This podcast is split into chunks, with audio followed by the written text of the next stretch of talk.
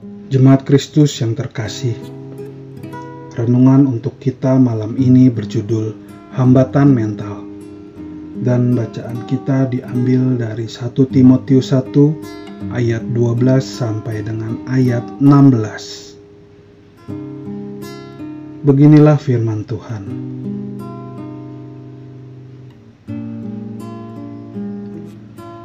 Aku bersyukur kepada Dia yang menguatkan aku, yaitu Kristus Yesus, Tuhan kita, karena Ia menganggap aku setia dan mempercayakan pelayanan ini kepadaku.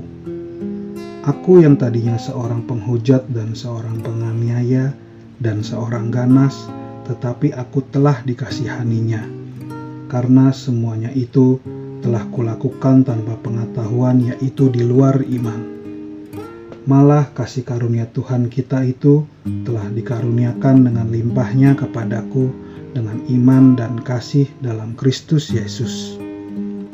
Perkataan ini benar dan patut diterima sepenuhnya.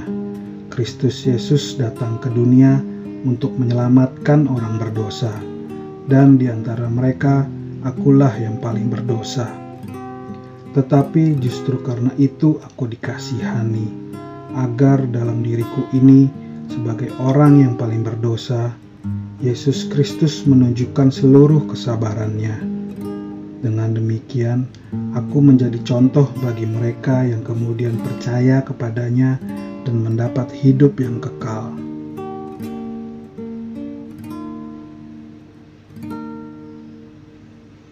Seekor gajah sirkus patuh pada pawangnya ia mengangkat kedua kaki depan, menendang bola, berguling-guling, juga memijit si pawang. Ia tidak memberontak sekalipun, tidak ada tali yang mengikatnya. Kalau ia mau menolak, tentu bukan hal sulit baginya. Cukup dengan melilitkan belalainya, manusia pasti kalah. Tetapi ia tidak melakukannya karena telah dilatih untuk tidak melepaskan diri. Pikiran kita dapat terhambat secara psikologis.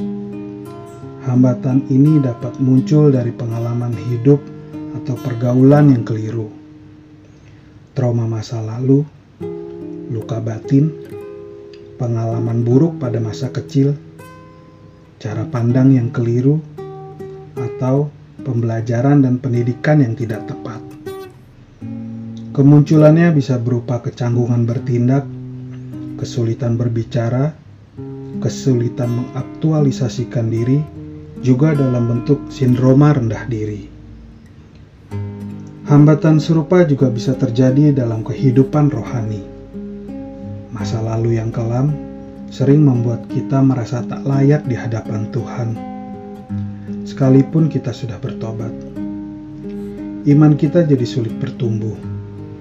Kita perlu belajar dari Paulus yang oleh imannya kepada Tuhan menjadi bebas dari hambatan mental.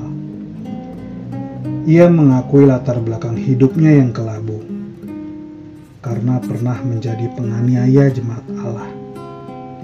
Tetapi Paulus juga mengakui bahwa Yesus Kristus menguatkannya menganggapnya setia, dan memberi kepercayaan untuk terlibat dalam pelayanan.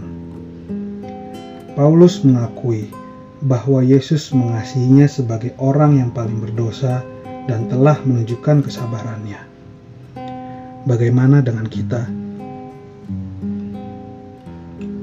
Terus mengingat dosa masa lalu setelah bertobat, sama halnya menganggap sepi kemurahan Allah.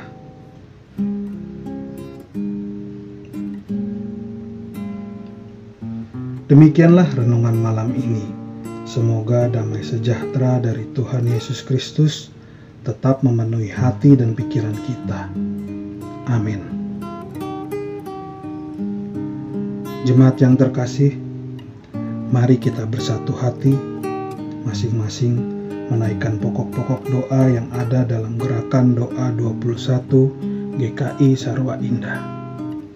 Mari kita berdoa.